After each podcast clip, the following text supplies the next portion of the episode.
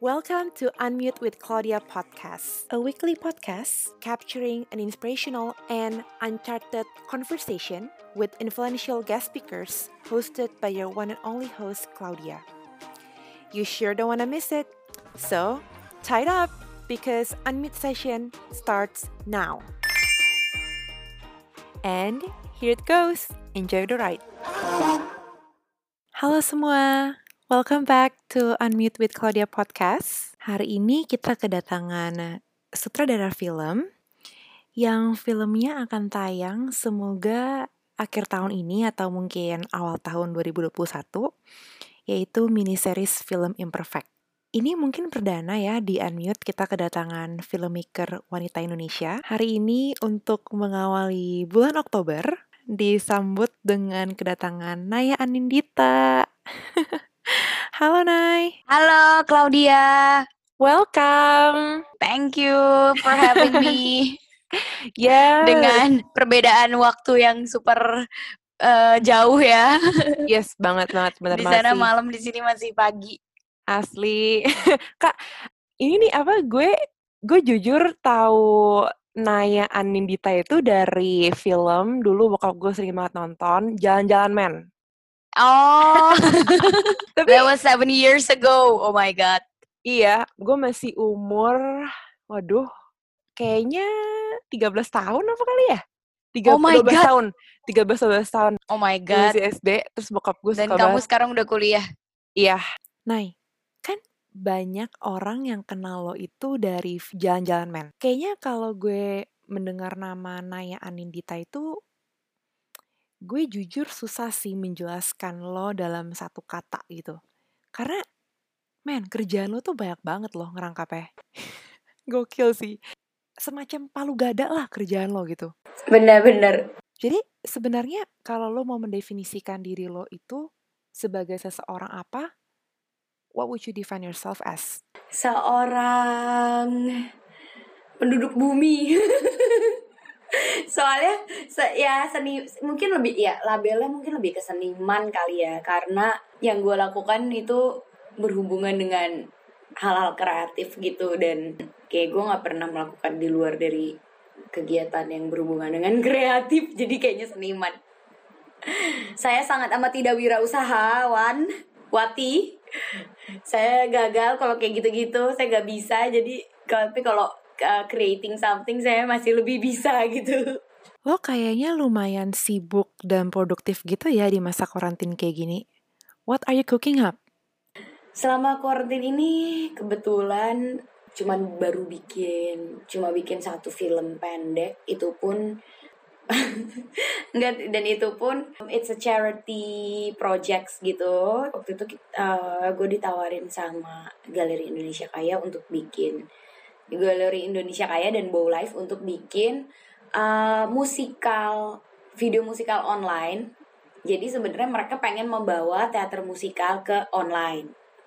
Terus sebe ini proyeknya sebenarnya udah dari bulan Juni awal. Eh, no no actually Mei akhir gitu jadi sebenarnya udah udah cukup lama terus kita bikin project ini jadi nanti orang-orang bakal nonton di YouTube, premiernya bakal di YouTube ya Galeri Indonesia Kaya. Terus nanti semua profit yang kita dapat itu buat bantu uh, teman-teman perfilman yang uh, apa kena dampak dari corona gitu. Wow, itu interesting ya proyeknya.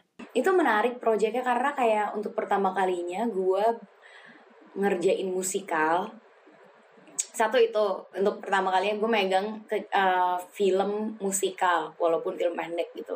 Terus yang kedua adalah untuk pertama kalinya juga gue kerja bareng sama director teater.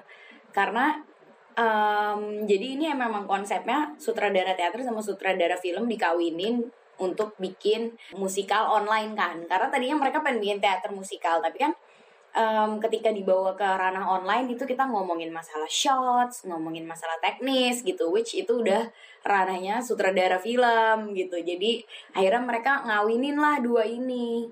Jadi ini untuk pertama kali gue kerja bareng sama sutradara teater juga dan ngerjain video musikal juga gitu. Ya. Nay, lo barusan bilang bahwa you label yourself as an entertainer lah, pekerja seni kalau boleh dibilang. Lo denger-dengar pertama kali itu masuk ke dalam dunia persenian ini karena tante lo. Iya. Yang saat itu sebagai art director, terus lo ke lokasi syuting, ke tempat kerjanya, dan inikah awal mulanya lo jatuh cinta dengan dunia film dan entertainment? Jadi uh, tante gue itu dia fotografer tadinya. Hmm. Fotografer dan dia suka ngerjain kayak uh, apa? Kayak semacam art director buat foto-foto gitu biasanya. Hmm. Hmm. Terus karena uh, tante gue kadang kayak tante gue kan tinggalnya di Jakarta, gue tinggalnya di Bandung. Oke. Okay. Jadi kalau misalnya gue lagi liburan sekolah, suka hmm. dibawa ke Jakarta, suka nginep di rumah tante gue dan suka ikut kerja. Dan kebetulan dulu waktu kecil, kebetulan dulu waktu kecil muka gue imut-imut gitu kali ya. Jadi kayak Gila. sering dipakai jadi model-model buat kayak ayah bunda atau apa yang dia yang foto jadi kayak pisan udah deh iya dan mungkin sekalian gitu konsepnya kayak ya udahlah nih ponakan gue sini sini gitu daripada dia kagak iya. ngapa-ngapain gitu akhirnya aku jadi sering ikut foto uh. sering misalnya kayak uh, karena aku suka dipakai sama tante aku waktu kecil untuk jadi model gitu jadi sering ngeliatin pekerjaannya hmm. terus at the same time waktu aku SD tuh mama aku kan kerja dan uh -uh. beberapa kali aku di rumah nggak ada pembantu terus jadi harus ikut mamaku ke kantor gitu pulang sekolah dan nemenin wow. dia di kantor sampai dia beres kantor kantor mm -hmm. uh -uh, jadi aku morores ngeliatin kerjaan mama aku mama aku dulu sekretaris di kantor. Oh. Dan kalau aku ngeliat kayak oh my god ini kayak dua dunia yang berbeda banget ya kayak yang satu foto apa kayak tuh super seru banget terus yang satu lagi tuh kayak di kantor terus depan laptop tek tek tek tek tek tek tek gitu kayak cuman ngetik ngetik ngetik ngetik ngetik doang gitu jadi itu kerjaan gue sekarang tapi waktu waktu aku kecil tuh aku ngelihatnya it's it's a different world banget mm. nih hmm. berdua gitu kayak mm. wow yang satu ini yang satu itu gitu terus di situ aku lama-lama semakin aku gede aku ngelihat kayaknya aku memang lebih cenderung ke seni Mm-mm, arah kreatif aku ngerasanya uh, ke arah kreatif gitu karena aku suka ngelihat ngelihat tante aku kerja kayak gitu aku ngerasa aku pengen kayak bekerja di bidang seperti itu gitu karena mm-hmm. aku hmm. ngelihat waktu kecil tuh kayak so fun dan dinamis banget kayak tiba-tiba syuting sama anak-anak, tiba-tiba kayak syuting apa nge-shoot ngefotoin makanan doang gitu. Food kan dia food stylist juga kan. Iya. Jadi dia kayak ntar foto buat makanan, terus dia paling sering tuh kayak dapet kerjaan buat foto katalog kayak Tupperware gitu. Dan hmm. fun fact gue pernah jadi model di, di Tupperware waktu gue kecil. Wow. gitu. Terus kayak uh, ya udah ngeliat-liat itu terus uh -uh. sampai pas gue cukup uh, pas gue beres eh pas gue iya pokoknya gue di tengah-tengah ke kuliah uh, uh, SMA sampai mm -hmm. kuliah gitu kalau gue liburan tuh gue sering diajakin kerja jadinya yang kayak yuk bantuin yuk foto nanti tante kasih uang saku gitu. Ya udah ya, gue bantuin.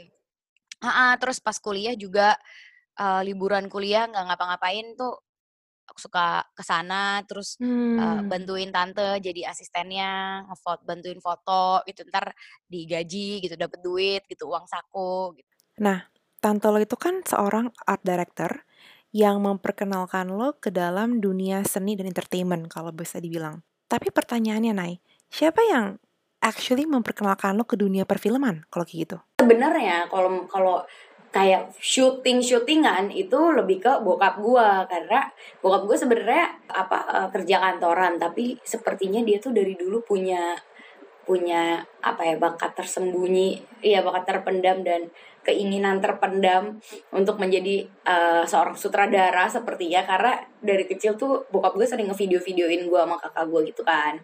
Sama adik gue juga terus nanti tuh dia suka bikin-bikin film sendiri gitu. Terus nanti yang main kita. Jadi kayak misalnya kakek gue kan uh, kakek gue udah meninggal dari uh, bokap gue SMA terus uh, bokap waktu itu kayak meninggal ke berapa tahunnya kakek gue gitu gue agak lupa. Kayak uh, mereka mau bikin keluarga gue mau bikin acara untuk memperingati 10 tahun atau berapa puluh tahun lah kakek kakek meninggal gitu. Terus bokap gue super duper niat banget bikinin video tentang kayak autobiografi kayak semacam Habibi Ainun gitu tapi enggak lah ini kayak versi homemade ya yang mainnya jadi kayak adek gua adek gua disuruh jadi kakek gua kecil kakak gua disuruh jadi kak kakek gua pas udah gede terus gua disuruh jadi kayak adeknya kakek gua gitu. Terus kita kayak syuting dan yang pas kakek yang ceritanya ketika kakek gue kecil itu kan diperanin sama adik gue waktu itu adik gue mungkin masih SD gitulah ya. Terus kita tuh sampai kayak ke ke sawah-sawah ke perkampungan gitu buat syuting. Terus kayak adik gue bener-bener disuruh main sama sama apa anak-anak yang tinggal di kampung situ gitu terus ceritanya kayak dia jadi ini terus ada kayak narasinya gitu narasinya adik gue yang yang cerita gila gokil sih Iya, gitu.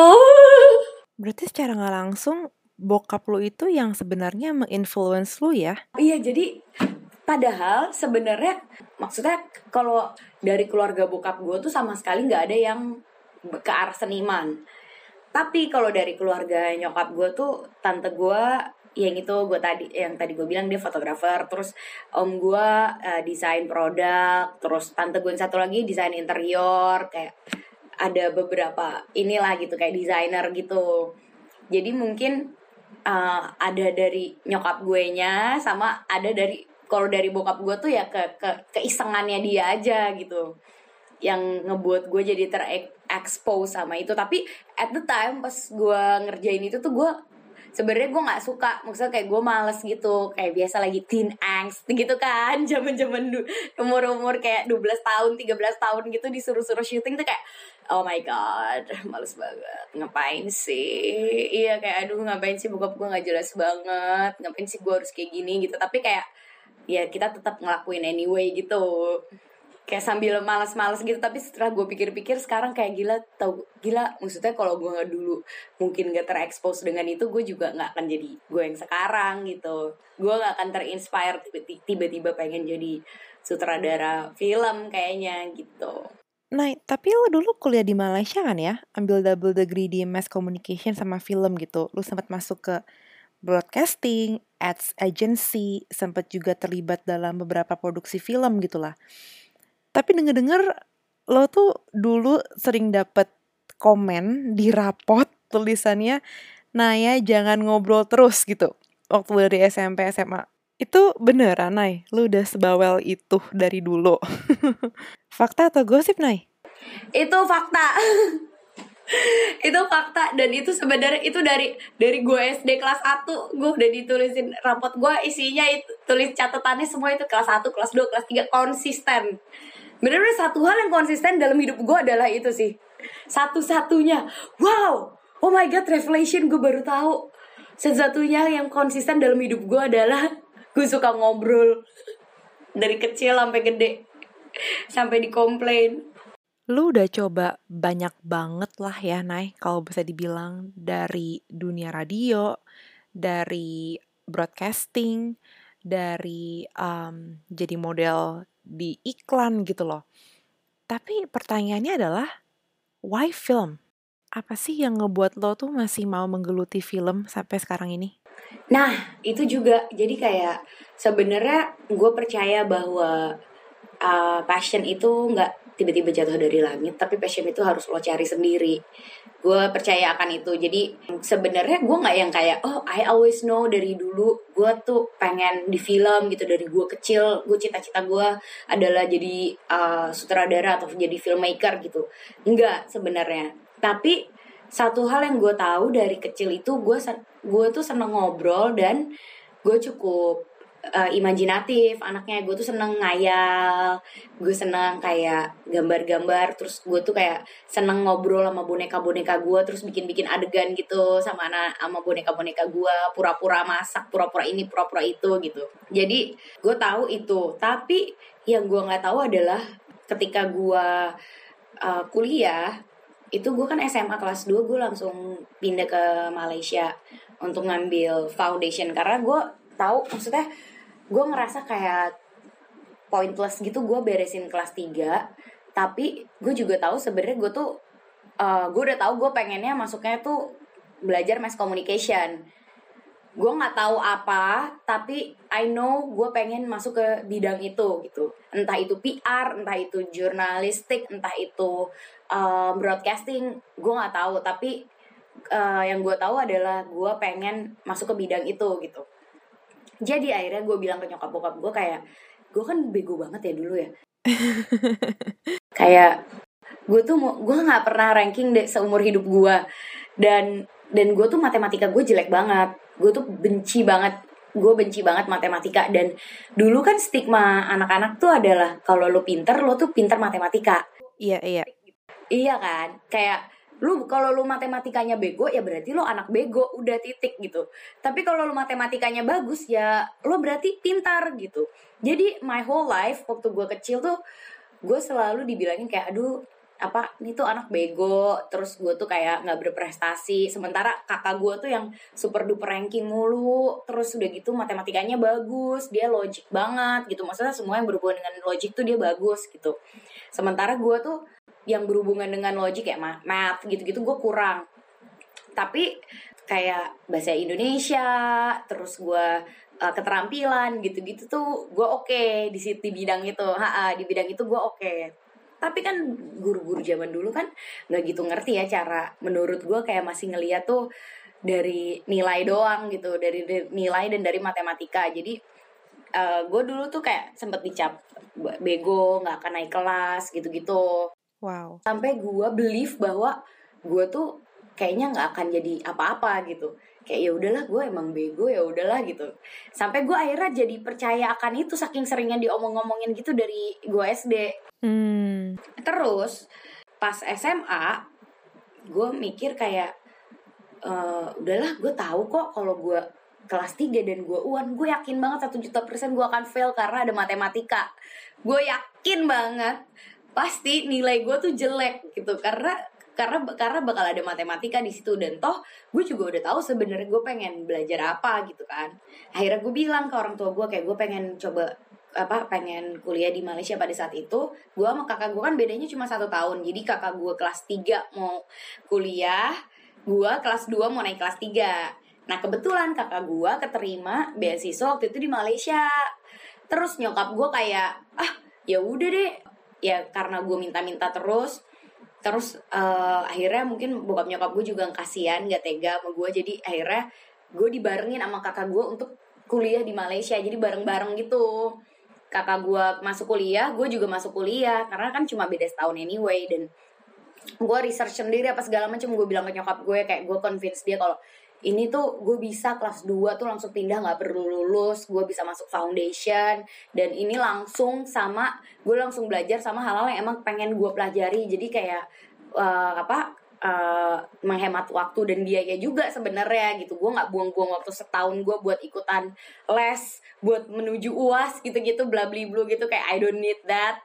Gue bisa langsung cabut gitu kan. Terus akhirnya nyokap gue ngeliat terus ya agree terus gue disuruh ikut tes waktu itu.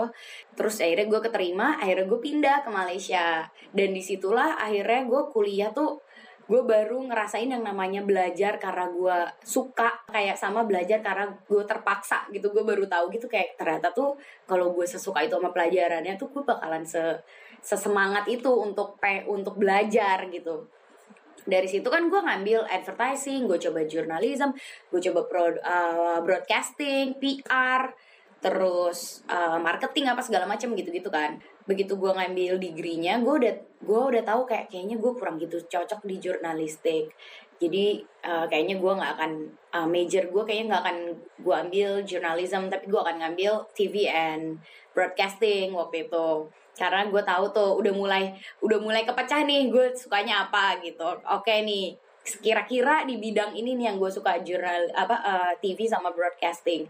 Akhirnya gue ngambil itu terus gue ngambil uh, minornya advertising sama multimedia. Jadi film advertising sama multimedia. Dan gue memang suka tiga-tiganya. Pada saat itu gue kayak oke okay, kalau gue nggak kerja di broadcasting gue pengen kerja di advertising agency karena uh, menarik juga gitu terus akhirnya gue decide um, setiap gue break semester gue pengen internship aja untuk gue kira-kira tau lah more or less kerjaannya tuh kayak gimana sih gitu. Kalau kerja di uh, bidang-bidang itu.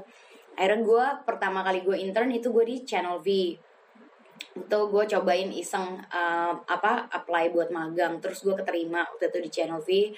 Terus gue magang selama tiga bulan selama gue liburan. Dan gue ngerasa oh oke okay, gue suka nih ini seru juga ya gitu. Um, kerjaan broadcasting kayak gini gitu. Oke okay. apa next semester lagi gue coba magang di advertising agency.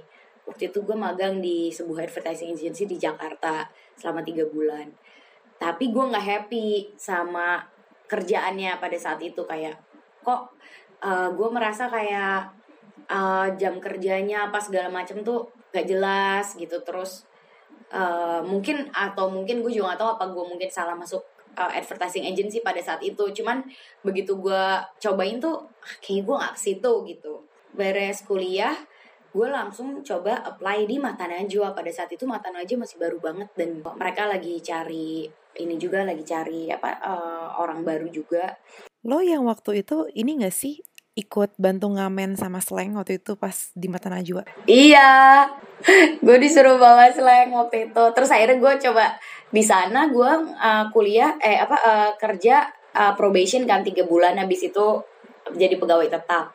Tapi gue setelah tiga bulan di situ gue merasa kayak kayak gue juga nggak cocok di sini. Karena gue sebenarnya nggak into politics. Gue suka syutingnya gue suka ngerjain konsepnya apa segala macam. Tapi gue ngerasa gue nggak bisa banyak berkontribusi terhadap uh, program itu. Karena dulu kan mata najwa tuh politik banget kan awal-awal tuh. Iya iya iya. Dan gue merasa every week gue setiap kita mikirin oke okay, kita atau hari minggu ini kita ngebahas apa ya? Setiap mau mikirin narasumbernya siapa gitu. Gue no clue banget kayak partai inilah inalah itulah. Kayak oh my god ini kayak strange world gitu buat gue akhirnya gue bilang ke mbak Nana kayak mbak aku kayaknya beres ini nggak akan terusin lagi karena aku ngerasa kayak aku nggak cocok di sini dan aku nggak bisa banyak berkontribusi di mata Najwa. Saya kesian ke dianya juga. Lebih baik dia cari orang yang emang punya passion di politik juga, jadi bisa bisa berkontribusi. Gue ngerasa kayak kayak gabut gitu kayak aduh kok gue nggak enak banget gue nggak bisa give everything gitu ke mereka gitu nggak bisa maksimal karena gue nggak di situ passionnya pada saat itu ya udah akhirnya gue cabut dari mata najwa terus di situ gue ditawarin eh diajakin teman gue untuk bantuin dia syuting. Terus uh, waktu itu gue sempat bantuin. Awalnya gue cuman bantuin dia syuting jadi talent doang. Udah gitu ih seru ya kayaknya ya syuting syutingan kayak gini gitu. Terus abis itu dia ngajakin gue jadi Astrada satu buat project film independennya dia judulnya Euphoria waktu itu karena gue pada saat itu kayak gue juga backgroundnya film terus gue tahu more or less ada apa assistant director tuh ngapain aja apa segala macem akhirnya gue terima kerjaan apa um, apa uh, projectnya berarti bisa dibilang itu merupakan turning point dari karir perfilman lo dong ya Betul, iya banget, banget banget karena di situlah gue menemukan passion gue di film. Padahal itu gue project itu semua yang terlibat di project itu tuh nggak ada yang dibayar. Itu semua kita semua bantuin teman kita yang mau bikin film panjang dan indie. Jadi at the time tuh kita sama sekali nggak dapet bayaran apa-apa, tapi kita ngerjain sebul hampir kayak tiga bulan, hampir tiga bulan terus uh, syuting ketemu terus setiap hari dan di situ gue menemukan kayak wah ternyata project film tuh seru banget ya karena dinamis banget gue baru gue tuh di Metro TV gue menyadari bahwa gue nggak suka sesuatu yang monoton yang terus terusan itu terus yang dilakuin. Gue suka sesuatu yang ah, gue suka sesuatu yang dynamic gitu yang hari ini apa besok apa terus hari ini ngerjain apa kayak banyak gitu yang diiniin. Akhirnya dari situ udah deh terus gue di film film film dari dan dari situ gue juga jadi kenal. Karena pada saat gue uh, ngerjain bantuin teman gue bikin film ini gue baru baru pulang dari Malaysia waktu itu. Kan gue beres kuliah tuh 2009 2009 a, apa akhir gitu. Terus gue langsung mata najwa cuma tiga bulan doang. Abis itu masuklah ke industri film terus mulai kenal sama uh, filmmaker filmmaker di Jakarta gitu. Kayak si teman gue ini terus Ina itu. Terus dari situ karena gue anaknya yes man. Tipenya dulu mure banget. Jadi kayak Nay bantuin gue ini dong. Ayo Nay bantuin ini. Ayo ayo ayo. Dan gue tuh tipe yang ya gue iya aja dulu. Nanti baru gue research di Google gimana cara ngerjainnya. Gokil.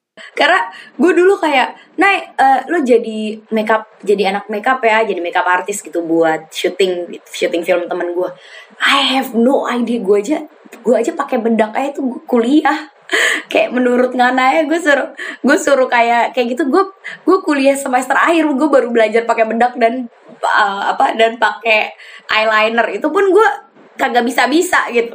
Ini suruh make up. So gue kayak anjrit gimana ya? Tapi kan gue ngeliat kan tiap uh, temen gue yang make up artist pas gue syuting itu gue ngeliat cara dia kerja kan gue gue gue ngeliat oh cuma tacap tacap bedak gitu doang.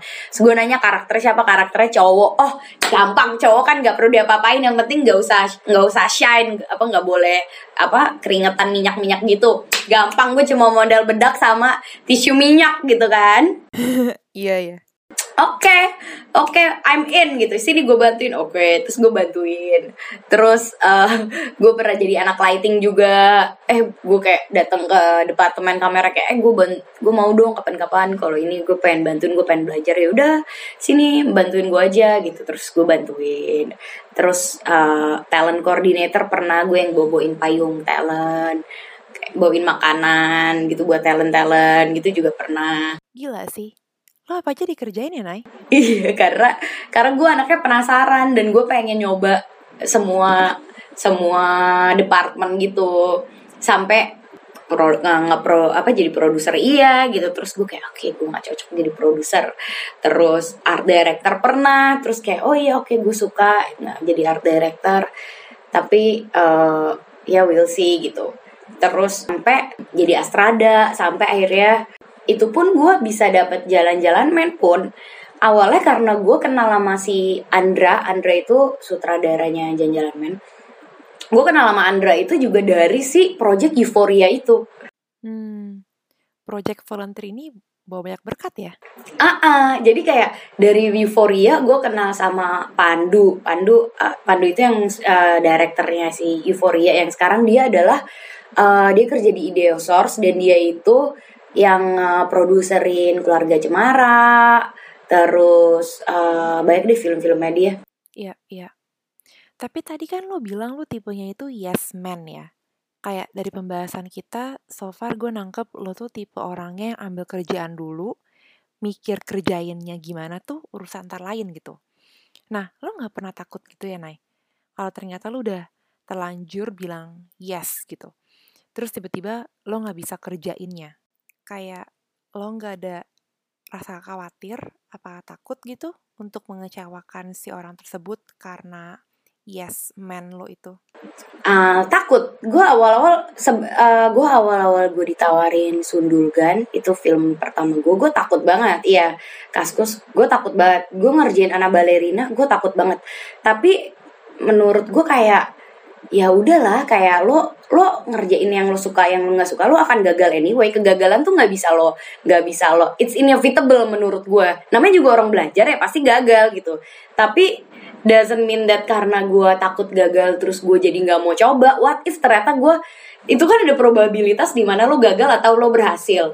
Atau lo well you're okay you're just okay gitu di tengah-tengah itu gitu. Ya kenapa nggak gue ambil aja chance itu dan ya udah gue uh, gamble sama hidup gue akan itu gitu. Dan toh anyway gue tahu kayak um, gue akan berusaha semaksimal mungkin untuk mengerjakan apa pun yang gue kerjakan. Tapi toh ternyata misalnya hasilnya nggak sesuai ya udah at least gue belajar dari situ. Gue anggapnya tuh kayak ya udah anggap gue sekolah lagi gitu. Kalau gue ternyata gagal, ups sorry, tapi at least I tried my best dan ya gue belajar dari situ ya udah move on ke project selanjutnya gitu.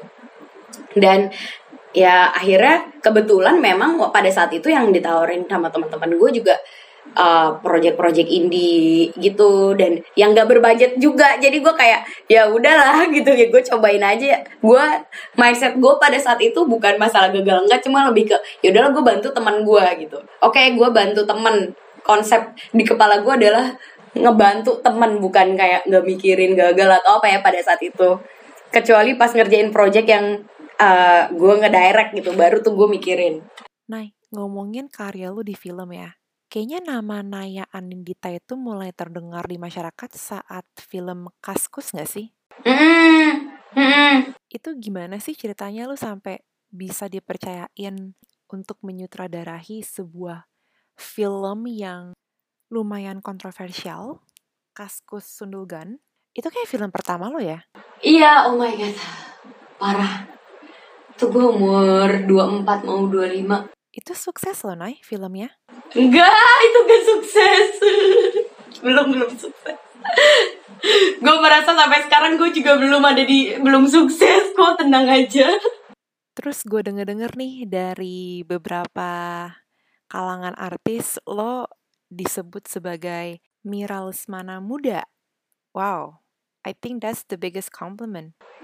Gila kan ya gue lebih Mira Lesmana muda. Astagfirullah. Wow. Alhamdulillah nggak Gue harus bersyukur kayak amin. Gue aminin aja itu menjadi doa. Terima kasih Tuhan. Banyak orang-orang yang percaya sama saya. Amin. Tapi ya, kayaknya orang-orang kenal Naya Anindita itu dari film Kaskus sama Eknoid kan? Karena Eknoid itu yang main kan ada si Morgan Smash. Iya, iya betul. Menurut gue penting sih dalam sebuah film pemilihan aktor itu. Iya, iya, iya. Karena kalau suka sama aktornya pasti pada nonton gitu kan?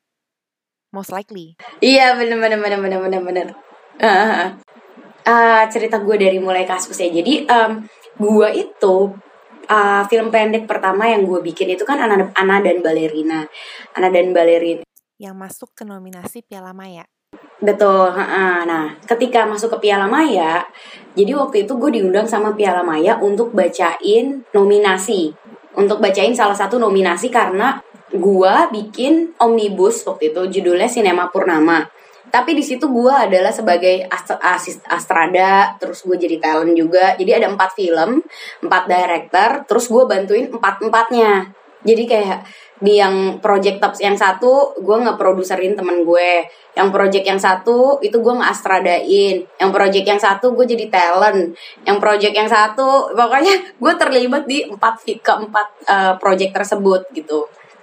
Terus um, kebetulan proyek itu masuk nominasi di Piala Maya uh, si uh, Omnibus Cinema Purnama ini.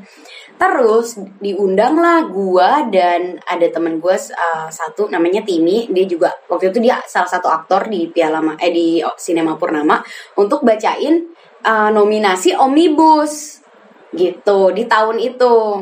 Karena uh, tahun lalu omnibus kita menang. Jadi yang tahun berikutnya kita suruh bacain. Nah kebetulan di tahun berikutnya gue bisa ngerjain anak balerina dan gue ngomong ke panitianya, eh boleh nggak teaser gue tayang di Piala Maya? Karena gue lagi mau launching teaser buat anak balerina gue lagi mau promo gitu buat film pendek gue. Oh ya boleh naik gitu. Kalau gitu nanti film pendek lo ditayangin pas lo baca nominasi ya kan teaser kan cuma semenit doang gitu oh iya ya oke oke. Jadi gue kasih lah file udah nih gue naik ke atas panggung gue sama sama teman gue ini terus kayak kita mau bacain nominasi terus kayak ya tapi sebelum ini uh, saya pengen uh, kasih lihat uh, apa film pendek yang lagi kita kerjain dada dada dada Ana dan balerina gitu kan. Set! Nggak ada suaranya mati. Jadi cuma gambar doang jadi ada ada ada masalah error gitu jadi nggak keluar suaranya so gue kayak oh my god this is so awkward. Please kill me now. Saya aku gue jadi pitching. Jadi kayak ah jadi ada balerina ini menceritakan tentang lala lala untuk menutup saat ke ke ke awkwardan kayak awkward silence dalam satu menit itu kayak. Jadi akhirnya gue kayak ngomong-ngomong-ngomong-ngomong-ngomong sampai beres teasernya terus kayak oke okay, mari kita baca nominasi. Dalam hati oh my god ini awkward banget.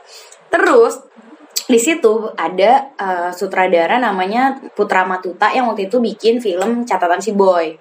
Iya. Nah terus dia uh, apa lihat kan uh, uh, teaser tra teaser trailer itu gitu. Dan pada saat itu emang itu isinya semua orang-orang film semua. Jadi obviously mereka pada lihat uh, yang yang gue tayangin. Terus gue ditanyain lah ini uh, filmnya siapa? gitu. Sih nanya ke panitia oh ini filmnya Naya. Oke okay, terus gue dia minta nomor gue gue kasih lah nomor gue. Terus dia bilang kayak ehm, Naya kapan-kapan ketemu yuk gue pengen nonton uh, the whole movie gitu. Pengen nonton dong film panjangnya. Oh ya boleh. Terus I thought like ya udahlah ya dia paling cuman basa-basi doang gitu kan. Terus apparently seminggu kemudian gue tuh beneran ditanyain kayak oke okay, kapan mau ketemu untuk nonton filmnya? Akhirnya gue janjian lah ketemuan di Dharma Wangsa Square buat nonton film Ana Ballerina akhirnya dia nonton terus dia kayak oh iya oke okay, gue suka vi, apa visualnya lalala. Oh iya udah udah. Terus that's it. Abis itu sebulan kemudian dia nelfon gue ngasih tahu dia nanyain gue mau nggak ngambil project film layar lebar? Um, kayak terus dia bilang kayaknya ini cocok sama kamu karena uh, apa ini kayak teknologi-teknologi juga gitu, IT-IT gitu, terus udah gitu um, anak muda banget sebenarnya pengennya di bawahnya. Terus uh, tertarik nggak? Terus gue diajakin ketemuan lah meeting. Udah ngobrol-ngobrol, ya gue takut banget ya kayak oh my god, layar lebar, kaskus, mati gue kalau gue salah-salah bikin nih kelar nih hidup gue nih bisa dihujat dan karir gue selesai gitu kan dan gue takut banget pada saat itu buat coba untuk ngambil kayak aduh gimana kalau gue gagal? Aduh mendingan kasih ke yang lain aja kali ya daripada ke gue maksudnya gue juga gue nggak yakin gue udah siap gitu untuk megang layar lebar. Tapi terus gue pikir-pikir lagi tapi kapan lagi kesempatan itu datang buat gue gitu gue mikirnya gitu. Dan gue pikir ya udahlah gue ambil aja gue coba semaksimal gue kalaupun gue gagal at least gue udah coba kalaupun ya berhasil ya oke gitu ya udah gitu kan. Tapi kalaupun gagal ya udah nggak apa-apa anggap aja gue sekolah film belajar bikin film layar lebar dan ya apa namanya dibayarin gitu kan. Dan belajar ya udah akhirnya akhirnya gue ambil deh project itu. Dari segi beban dan pressure bedanya apa sih nih kayak kalau lu ngebuat uh, film pendek sama film layar lebar gitu. Karena menurut gue karena kayaknya menurut gue namanya juga sama-sama buat film, mungkin ada challenge dan pressure tapi berbeda kali ya. There must be something yang distinguish between those two gitu. Kalau buat gue sebenarnya film panjang dan film pendek tuh sama-sama berat ya kalau menurut gue karena film pendek pun juga menurut gue juga gimana berat banget gimana caranya lo bisa menyampaikan cerita dalam waktu 15 menit dan orang dapat get the message gitu. At least kalau film panjang lo kita masih punya waktu buat bikin establish karakter, uh, introduction karakternya, orang kayak bisa jatuh cinta dulu sama karakternya, baru kita masuk ke konflik. Sementara ini dalam 15 menit harus dar dar dar dar dar selesai gitu kan. Jadi um, itu juga menurut gue juga susah banget film pendek. Uh, tapi kalau buat gue sendiri personally film panjang itu um, kesulitannya sebenarnya lebih ke apa ya kayak we have we have to deal with the uncertainty aja sih. Karena film film itu kan dia dari uh, apa ya semua jenis art itu ada di, di dalam film. Dan kita kerja nggak cuma sama satu dua orang atau sepuluh orang doang kita kerja sama 100 kru yang ada di dalam film itu termasuk pemain dan lain-lain. Dan setiap orang punya karakter yang berbeda. Dan apa ya jadi kadang tuh bisa problemnya kayak di Sundulgan problem gue adalah gue nggak bisa berangkat waktu itu ke US krunya nggak bisa berangkat ke US karena visanya ditolak. Dan itu udah another challenge sendiri karena ya gimana orang kita ngomongin tentang bikin kasusnya di Seattle terus gak bisa ke US tuh gimana gitu kan? Sementara skrip yang kita bikin tuh udah uh, ngomongin tentang kehidupan mereka lagi di Seattle dan di Jakarta gitu sampai si Kaskus uh, jadi gitu. Itu. Terus jadi kayak gue harus mikirin gimana caranya supaya tetap gue bisa tetap achieve apa yang produser gue pengen. Terus akhirnya kita coba uh, kalau nggak Seattle apa Vancouver gitu. Terus kita lempar ke Vancouver. Kita apply lagi visa Kanada ditolak lagi pemain pemeran utama gue waktu itu. Dia yang paling banyak scene-nya di Vancouver. Nggak mungkin dong gitu gimana caranya gitu kan. Sampai akhirnya kita udah udah dua negara ditolak tuh oh my god gimana? Akhirnya produser gue gue dan produser gue kita mengambil keputusan kayak ya udah deh uh, kita coba CGI aja green screen gitu. Karena gue waktu itu udah sempat ke Seattle udah sempat reki dan udah sempat ngambil stock shot stock shotnya segala macam jadi kita combine. Akhirnya mau nggak mau kita gamble untuk ambil keputusan itu gitu. Dan di situ di Sundulgan yang terberat adalah gimana caranya gua anak umur 25 tahun bisa convince kru gua yang rata-rata umur 40, 35 gitu yang di atas umur udah udah senior semua gitu. Itu buat gua uh, yang paling berat tuh di Sundulgan itu sih. Jujur awal di Sundulgan tuh gue takut banget kayak takut dalam ber dalam beropini karena kayak apa ya gue merasa kayak ya lu anak kecil lu tahu apa sih? Gitu kayak aduh lu juga udah deh lu percaya aja sama gue. Kita tuh udah bertahun-tahun gitu kayak gitu ada ada vibe seperti itu gitu dan tapi akhirnya gue uh, gue pegang satu orang yang gue merasa nyaman untuk bekerja waktu itu sama produser gue jadi akhirnya gue kalau ada apa-apa gue ngomong sama produser gue kayak mbak gimana ya? Atau kayak mas gimana ini? Menurut aku gini gini gini gini gini gini gitu. Terus di situ ya gue belajar to know know your place aja. Kayak gue tahu gue di sini sebagai sutradara. Tapi at the same time juga ada yang ada di atas gue yaitu adalah produser. Jadi gue menyerahkan ide dan segala macamnya ke mereka. Tapi kalau misalnya mereka tolak atau mereka ngambil ini lain opsi lain ya ya udah gitu. Nggak apa-apa juga gitu. Ya mereka juga emang berhak untuk memutuskan itu karena they're the producers gitu. Wah gila di umur lo yang masih sangat belia waktu itu you've learned a lot ya about how to actually make a full movie dari nol sampai selesai gitu loh. Wow. Jadi sebenarnya gue mendengar banyak sekali lesson learned gitu dari pengalaman lo. Dan banyak banget juga challengesnya gitu yang lo hadepin sampai detik ini sebagai filmmaker dan juga sutradara gitu. So what motivates you, Nay? Kayak apa yang ngebuat lo tuh se-drive dan sesemangat ini untuk masih mau berkarya dalam dunia perfilman gitu? Apa sih something yang lo hold on? Really, sebenarnya being really honest, um, saat motivasi gue untuk bikin film tuh as simple as gue cuma pengen bikin satu karya yang bisa dinikmati oleh orang-orang itu aja sih kayak gue nggak muluk-muluk untuk kayak I want to change the world atau apa through my films apa segala macam enggak. Sebenarnya mimpi gue sesimpel gue cuma pengen bikin sebuah uh, hiburan buat orang-orang buat teman-teman dan gue berharap dari film itu bisa uh, merepresentasikan apa yang mereka rasakan atau at least bisa menghibur mereka. Dan um, orang keluar dengan hati senang, hati bahagia abis nonton film gue gitu. Or atau kalau gue boleh berharap lebih kayak mereka mendapatkan sesuatu atau belajar dari film gue. After that ya udah. That's it. Eh Nay gue udah kedenger lo juga sebenarnya punya ADD kan ya?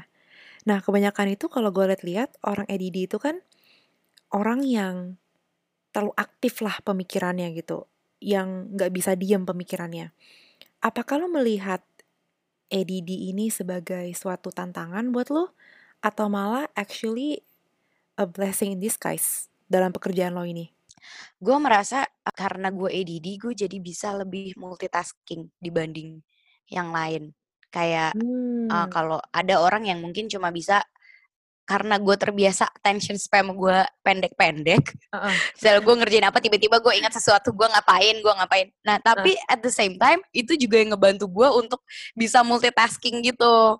Gue uh. bisa kayak sambil sambil let's say misalnya gue like kayak sambil gue ngerjain skrip tapi tiba-tiba gue sambil kepikiran treatment sambil kayak oh iya gue pengen cari gambarnya yang gue pengen kayak gimana eh lagunya apa ya gitu kayak tapi itu ngebantu gue banget untuk gue bisa multitasking di di apa di industri film. Gue mengenal lo ini kayaknya sebagai orang yang sangat positif dan dan auranya itu sangat ceria gitu.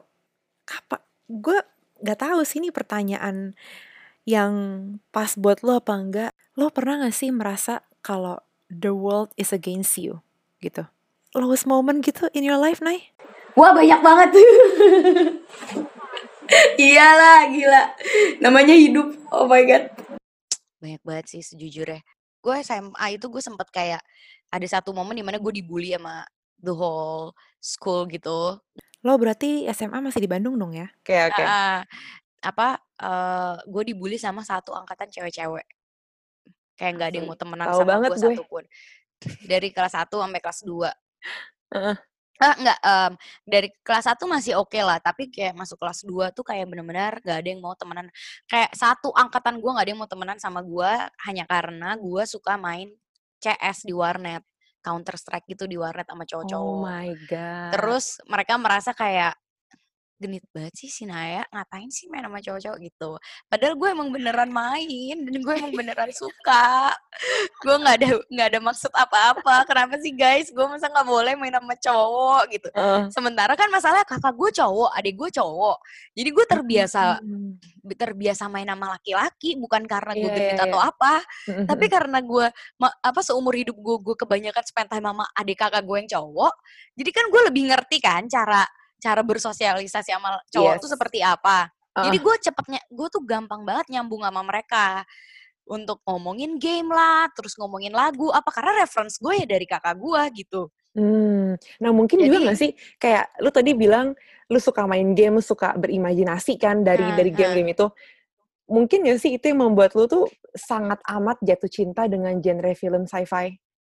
Mungkin, mungkin banget, uh, mungkin banget, mungkin uh, banget karena gue dulu suka main PS gitu kan sama kakak gue suka main PS suka main PS2 zaman dulu masih PS2 gitu kan PS2 PS3 gitu. Terus uh, kita suka rebutan gitu mainnya ganti-gantian.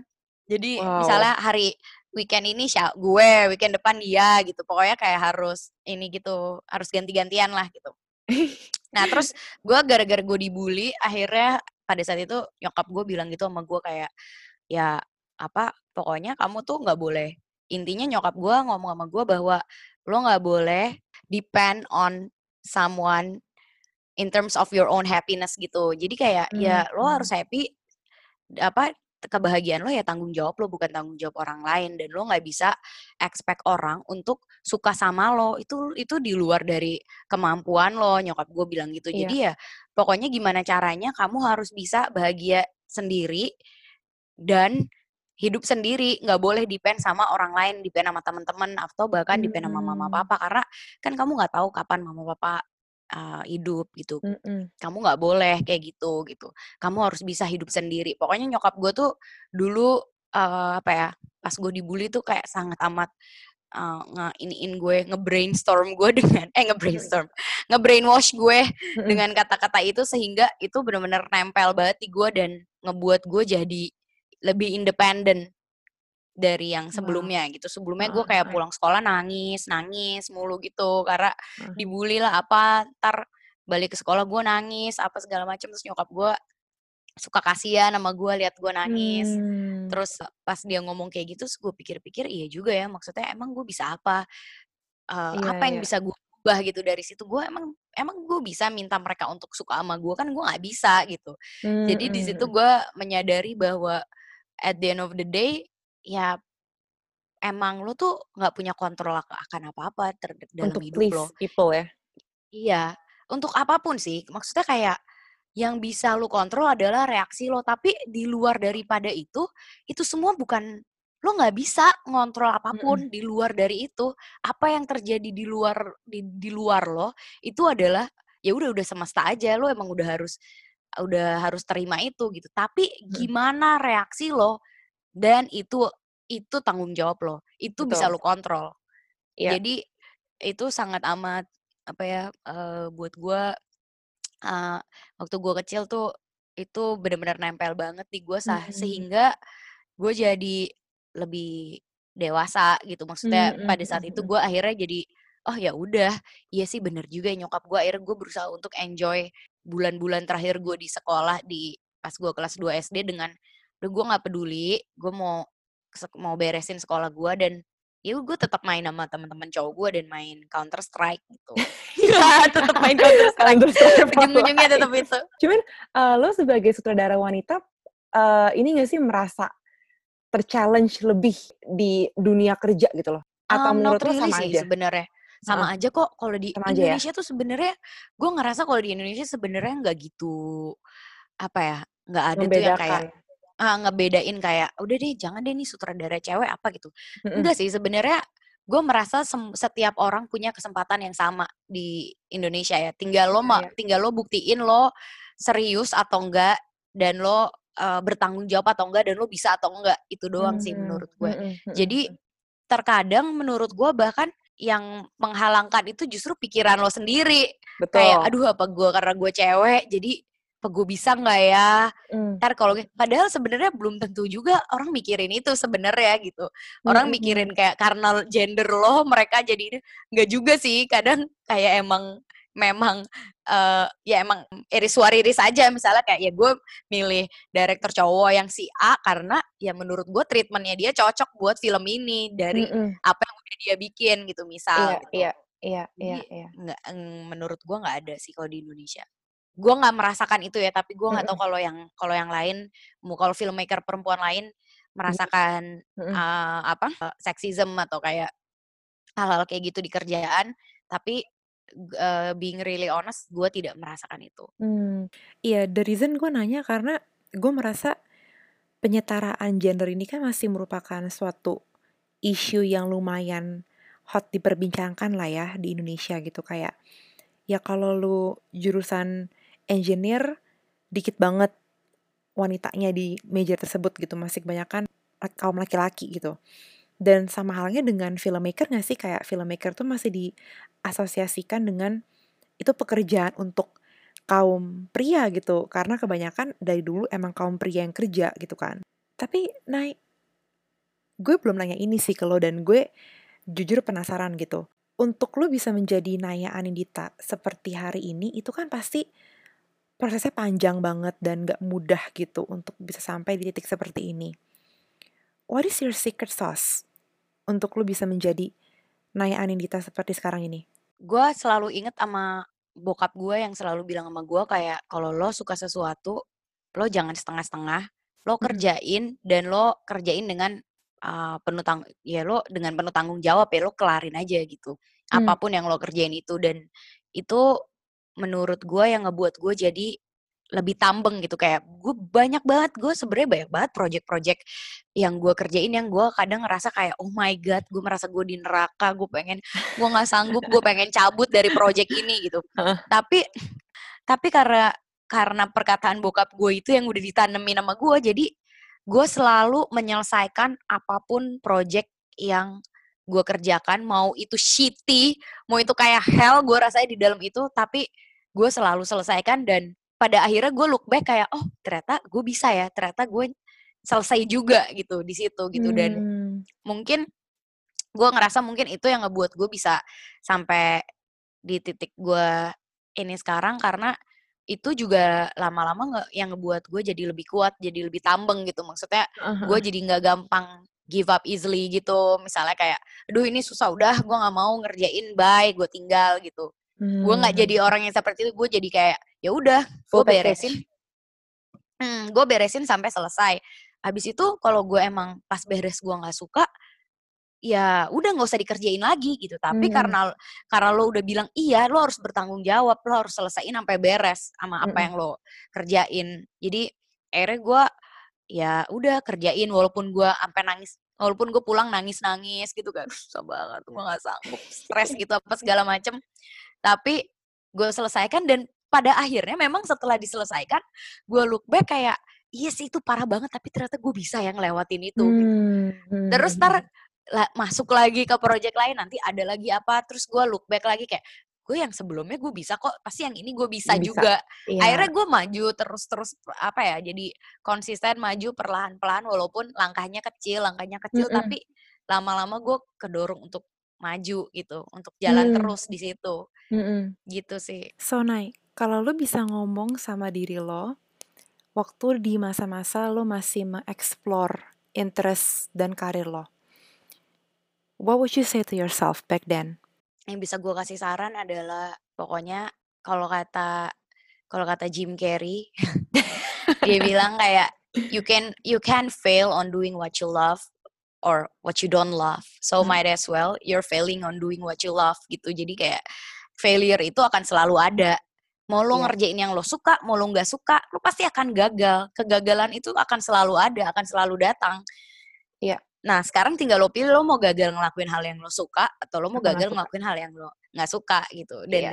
itu gue percaya banget dan gue pun sampai sekarang kadang masih merasa kayak, aduh kok gue gue kadang masih ada perasaan kayak kayak gue gagal nih kok eh, Hmm. misalnya kayak sesimpel misalnya kok eh, film gue nggak nyampe berapa ratus ribu penonton kok ini kok itu gitu tapi gue menyadari bahwa ya gue akan terus jalan karena gue sadar bahwa dan namanya hidup itu pasti akan ada kegagalan dan ada kesuksesan. Gak mungkin gue seumur hidup gagal mulu. Pasti ada momen di mana gue sukses. Betul Jadi gue akan tunggu momen itu. Gue yakin, gue yakin dari seribu kali yang lo coba adalah masa satu banding seribu masa lo nggak mau nggak ada sih satu kali suksesnya Mm-mm. gitu. Jadi gue kayak ya udah gue jalanannya terus gue berharap eh, apa gue menunggu momen di mana itu akan datang. Karena gue yakin satu Wow. juta persen itu pasti datang gitu. Cuman kapannya aja yang kita nggak tahu kan. Betul, kapannya betul, aja nggak tahu gitu. Jadi kayak ya udah ya gue akan tunggu momen itu. Gue yakin kok dia bakal datang suatu hari nanti. Nggak mungkin gue Hmm. uh, hidup misalnya 60 tahun let's say umur gue sampai 60 60 tahun pasti masa sih nggak ada sih gue satu kali sukses dalam hidup 60 tahun gitu nggak Betul, mungkin betul, betul, betul. pasti ada pasti Iya. ada gue percaya Heeh. akan itu Iya, setuju banget gue. So what's next for you, Nay? Milestone apa yang akan lo kejar abis ini? What's next ini gue lagi ngerjain lagi nulis film lagi gue lagi mau coba pitching Sama Ernest Prakarsa ya? ah kalau kalau yang itu yang bulan September Oh, itu iya bukan, jadi gue lagi eh, bukannya gua mau- ghostwriter kan?